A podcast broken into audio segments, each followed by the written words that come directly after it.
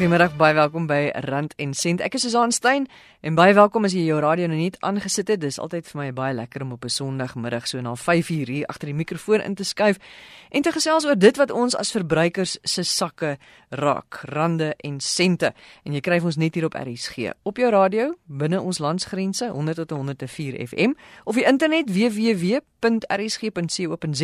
of die DStv kanaal 813. So 'n paar Sondae gelede het ons gepraat oor 'n stokvel, presies wat dit is en hoe dit werk. Ons gaan vanmiddag bietjie terugvoer van 'n luisteraar daaroor kry. Dan kyk ons ook na die beste manier om jou belegging te hanteer in tye van 'n resessie. Want ons raak paniekerig en die eerste ding wat ons dan wil doen is om ons belegging te skuif na 'n veiliger plek. Maar dit is blykbaar nou juist die grootste fout wat jy kan maak. So ons gaan 'n bietjie later met 'n kenner hieroor gesels vir ons te sê wat moet ons dan nou doen met ons geld en ons belegging wanneer tye moeilik raak. Maar nou eers Anita van Tonder, sy is op die lyn, sy het geskryf en gesê Susan, ek behoort aan 'n stokvel en uh Anita, ons is nou baie nuuskierig om te hoor wat jou ervaring is of was van 'n stokvel.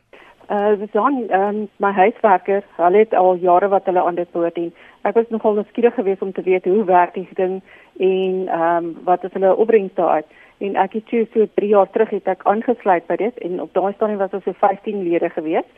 Hulle het 'n 'n riglyn waarvolgens hulle werk, hulle het 'n bankrekening wat hulle die geld in betaal en hulle het nogal redelike streng reëls uh, verbonde aan dit ook. Ook wat sy doen is daar's van ehm um, die mense wat vir byvoorbeeld vir begrafnisgeld leen of vir een of ander iets wat hulle geld leen en dan vra sy 'n paar persent rente op die geld wat dan terugkom en daai geld gaan terug in ons bankrekening. So um, ons rekening groei redelik dat ons teen die einde van die jaar so ongeveer 40% opbrengs het. Die belangrikste ding van so 'n ding is is dat jy moet lede in het wat jy kan vertrou en dan moet wederwysige kommunikasie wees. Dit moet openhartig wees en en jy moet gereeld met net praat daaroor om te sê goed waar trek jy rekening is almal in want as jy byvoorbeeld laat betaal dan moet jy 10% rente betaal op uh, elke dag as jy of sien maar 'n week se tyd wat jy dan nou laat is. So net om seker te maak dat almal se geld is betyds altyd in. Is daar 'n bepaalde rede of ding waarvoor jy spesifiek spaar of is hierdie man bloot net 'n spaarrekening vir julle?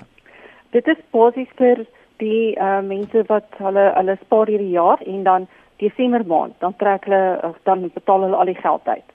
Want dan gebruik hulle dit dan vir Kersfeesgeld en dan hoofsaaklik ook vir Januarie vir skoolklere en skoolfooie. En moet almal dan al hulle geld uittrek of kan jy besluit kan jy kies? Ja, hulle hulle betaal dit uit en maak hulle rekening skoon en dan begin ons Januarie begin ons weer dan met 'n nuwe dieselfde rekening maar dan begin ons nou net weer ons nuwe inbetalings dan. Anita, weet almal toegang tot hierdie rekening? Is dit net een persoon of het almal van julle toegang tot die rekening? Nee, daar's twee persone wat toegang het en albei moet bank toe gaan om geld te kan uittrek. So dan moet albei se handtekening moet daarop wees en dan gee hulle vir ons ook deur hulle soveel geld getrek en hulle gee vir ons ook deur hulle soveel geld vir die maand gebank. En jy sê mense moet mense baie goed kan vertrou want iemand kan mos nou maar gaan en daai bankrekening gaan leegmaak en verdwyn. Die risiko is daar so en ehm um, die mense wat daaraan behoort is hulle hulle het ook altyd die idee van win-win lose-lose. In die geval van daar is baie keer wat jy wel 'n bietjie kan verloor maar dan is daar ook kere wat jy meer kan wen.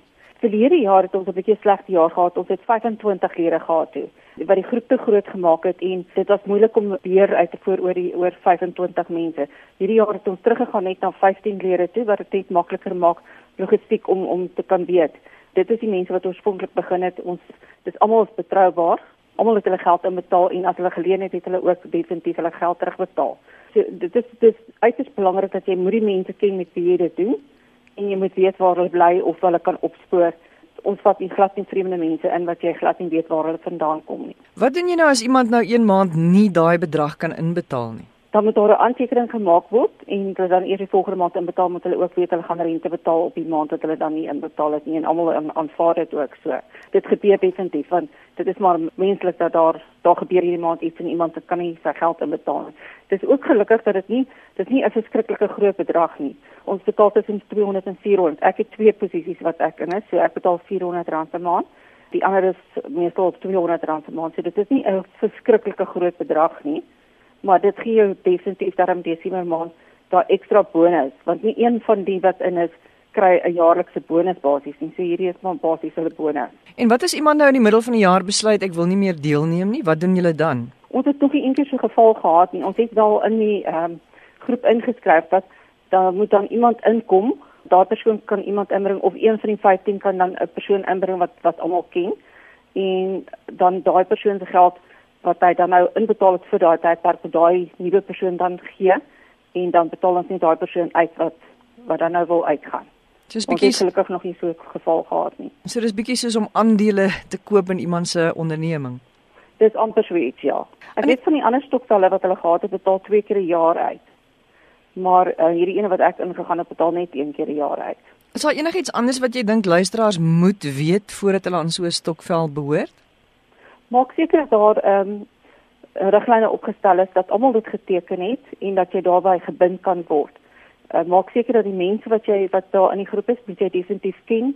Dit hoef nie op 'n persoonlike vlak te wees nie, maar jy moet weet waar kom die persoon vandaan, is hy betroubaar? En kommunikasie. Kommunikasie is verskriklik baie belangrik in so 'n uh, groep waarin jy werk. En maak seker dat die persone wat wat jy inbring kan dit bekostig om dit elke maand te kan doen. Dit help nie jy bring mense in wat net 2 of 3 maande kan doen en dan nou glad nie meer kan bekostig nie.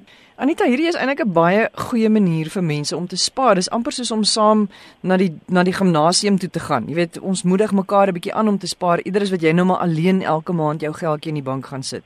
Dis definitief 'n feit dis dan in as jy uh, ook in ag neem dat baie maatskappye betaal nie meer bonusse soos wat in die ou tyd het jy jou 13e cheque gekry het. 'n 13e cheque bestaan nie meer regtig in in uh, die algemene werksomgewing nie.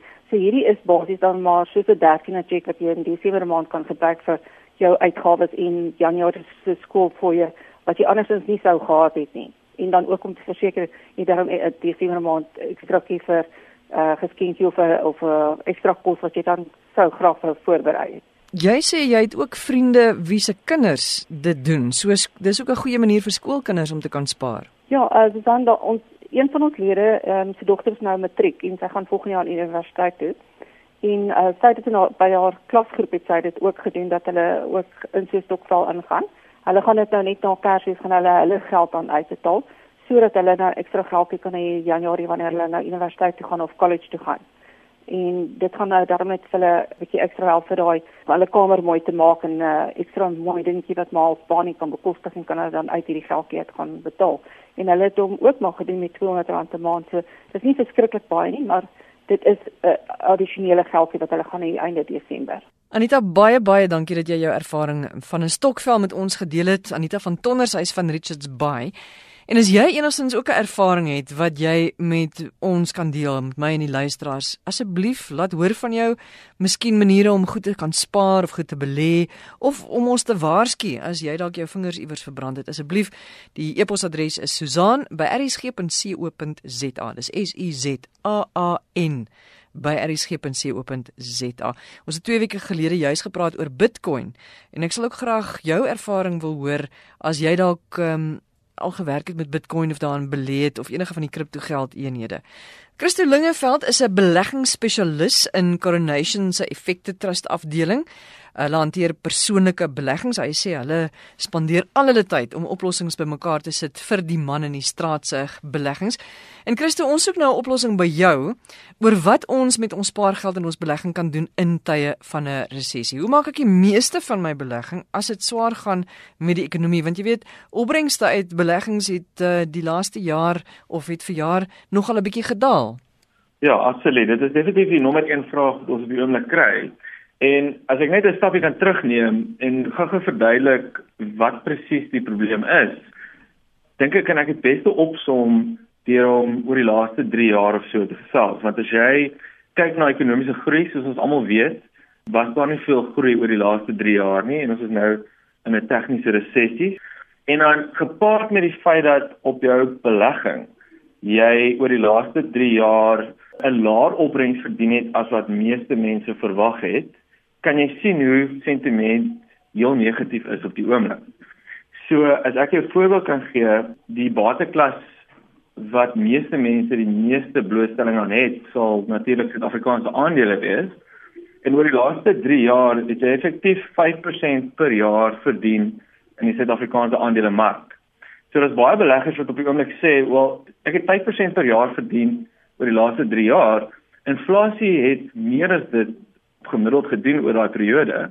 So ek het risiko geneem deur om aan aandele blootstelling te neem, maar ek het nie eers inflasie uitpresteer nie. En dit skep 'n omgewing waar beleggers besig is om hulle strategie te betwyfel. Mm -hmm. En wat ons sien meeste van die tyd op die oomblik is beleggers wat minder risiko neem in hulle portefeuilles. Hulle skuif hulle portefeuilles na meer konservatiewe posisie toe. En en dit bekommer ons want ons dink dit is juis in tye soos die na 'n periode van 3 jaar waar jy lae prestasie gehad het, waar waardasies op spesifiek Suid-Afrikaanse aandele nou baie meer aantreklik lyk, waar ons eintlik dink beleggers moet seker maak dat hulle genoeg groeibate blootstelling het. So ons is bekommerd dat beleggers nie genoeg groeibate blootstelling het nie. So die eerste punt wat ek gemaak is dat waar moontlik maak seker dat jy 'n portefeulje het waar jy verstaan dat oor die lang termyn die beste manier om jouself te verdedig teen die effek van inflasie is om genoeg groeibate blootstelling te hê. En hoe ons dit definieer is deur aandele en eiendom. Wat is hierdie veilige opsies wat julle sien beleggers nou op die oomblik kies? Dis meeste van die tyd kontant of effekte. Ehm um, die meeste van die tyd staatseffekte. So ja as jy as jy na die bank toe gaan en jy vra vir die bank om vir jou oor kom ons sê die volgende 5 jaar 'n belegging bymekaar te sit of jy wil 'n beleggingsproduk by hulle koop in iets wat naby aan kontant lyk, dan sal hulle sê hulle kan vir jou opbrengs gee om by 7 8% per jaar. So weer eens, jy kan 7 of 8% verdien wat beter is as wat jy in die laaste 3 jaar uit Suid-Afrikaanse aandele uit verdien het. So hoekom moet ek die risiko neem deur om Suid-Afrikaanse aandele te koop? Ja. So baie beleggers is besig om liewer meer konservatief met hulle geld te belê en ons dink dis presies die verkeerde tyd om dit te doen. So wat julle vir beleggers sê is moenie nou jou geld in 'n in 'n veiliger plek gaan belê nie. Hou jou geld in die aandelemark want dit gaan weer verander. Ja, die punt wat ons sal maak is as jy 'n portefeulje bymekaar gesit het wat spesifiek gemik is tot jou benodigdhede as 'n belegger en jy is nou 3 jaar later in daardie portefeulje en jou benodigdhede het nie verander nie, dan sal ons sê die beste aksie wat jy moet neem is geen aksie nie. Die beste ding wat jy op hierdie oomblik kan doen is in daai gediversifiseerde portefeulje bly waar jy was, want jou strategie is nog steeds presies dieselfde, al wat jy nodig het is tyd. So ons wil net nie sien dat beleggers veel veranderinge in hulle welgestruktureerde, gediversifiseerde multibate klas portefeuilles maak op die oomblik nie. So as iemand nou vanmiddag luister en en iemand voel self ongemaklik en iemand is self onseker en jy weet wat moet ek doen en ek weet nie en ek is 'n bietjie bekommerd want wat as hierdie situasie voortduur vir die volgende jaar of of 4? Dan is dit wat jy vir die persoon sou sê. Wag, moet niks doen nie.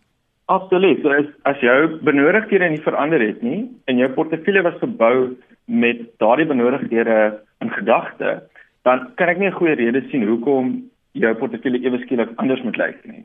En oor tyd het ons tyd en tyd weer gesien dat die beste ding wat jy kan doen in moeilike tye is om net by die plan te bly. Of ons nou gesels oor 1997, 98, 2000 of die periode wat nog steeds meeste van ons geheue is, 2007, 2008, die beste plan wat jy kon maak deur daai periode is net om by 'n strategie te gebly het want oor tyd sal jy nog steeds goed doen deur om net in daai portefeulje te bly. Maar Christo, hoe weet 'n mens wanneer moet jy want soms moet jy jou strategie bietjie verander, soms moet jy 'n paar aanpassings maak. Hoe weet jy nou wanneer jy daai gevoel van jou van o, gats, nou moet ek iets verander wanneer daai jy daai gevoel kan volg? Ja, so dit kom terug na jou benodigdhede. So as as as jy as jou benodigdhede nie verander nie, dan bly jou portefeulje dieselfde.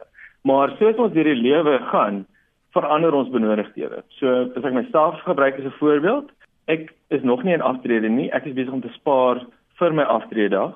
En vir daardie rede tot ek die punt bereik waar ek wil aftree, gaan my benodigdhede dieselfde bly. Maar sodra ek op nou 60, 65 jaar besluit om af te tree, dan fundamenteel verander my benodigdhede. Nou kort ek 'n inkomste aan die einde van elke maand en vir daardie rede moet my portefeulje anders lyk. So daar is sekere periodes in die lewe, sekere fases van die lewe wat beteken dat jou benodigdhede verander.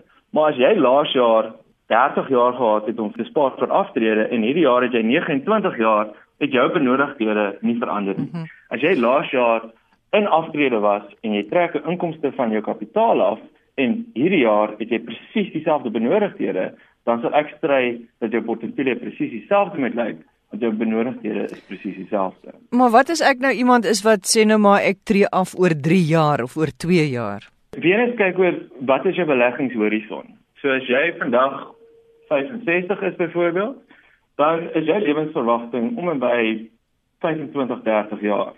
En as jy wil beplan vir dit, moet jy regtig dink dat jy vir 35, noem dit selfs 40 jaar moet beplan. As jy 60 is en jy weet jy moet oor 5 jaar aftree, is jou beleggingshorison nog steeds 'n baie baie lang termyn. So jy moet altyd jou horison in perspektief hou en in meeste gevalle bly beleggers se horison heel langtermyn. En as jy kyk na die langtermyn, dan weet ons dat die bateklas soos ek voorheen genoem het wat jou beste gaan verdedig teen inflasie, bly aandele. En vir daai rede, ek sal nie sê jy moet al jou geld in aandele hê nie, maar jy moet seker maak dat jy genoeg blootstelling aan aandele het sodat jy inflasie ten minste kan klop. En wat ons besig is om te sien van beleggers se kant af is, hulle is oor tyd besig om soos sentiment besig is om negatief te verander, is hulle besig om minder en minder van hulle blootstelling in aandele te neem en dit bekommer ons. So jy sê selfs vir die persoon wat oor 2 jaar aftree, ehm um, wat dink nee, ek gaan my belegging skuif, vir daai persoon sal jy ook net sê, hoorie wag, wees rustig, dinge gaan regkom. Absoluut. Absoluut. Christo net 'n ander punt terwyl ons nou praat van aftrede. Wat van mense se inkomste na aftrede? Wat sien julle gebeur daar? Wel die die, die ander bekommernis wat ons het is na aftrede is die vlak van inkomste wat jy trek vreeslik belangrik. So die beste manier om dit te beskryf is die persentasie van jou kapitaal wat jy elke jaar trek. En soos opbrengste oor die laaste paar jaar laer geword het, is ons bekommerd dat beleggers verstaan nie die implikasies van daai laer opbrengs op hoe lank hulle kapitaal sal hou na aftrede.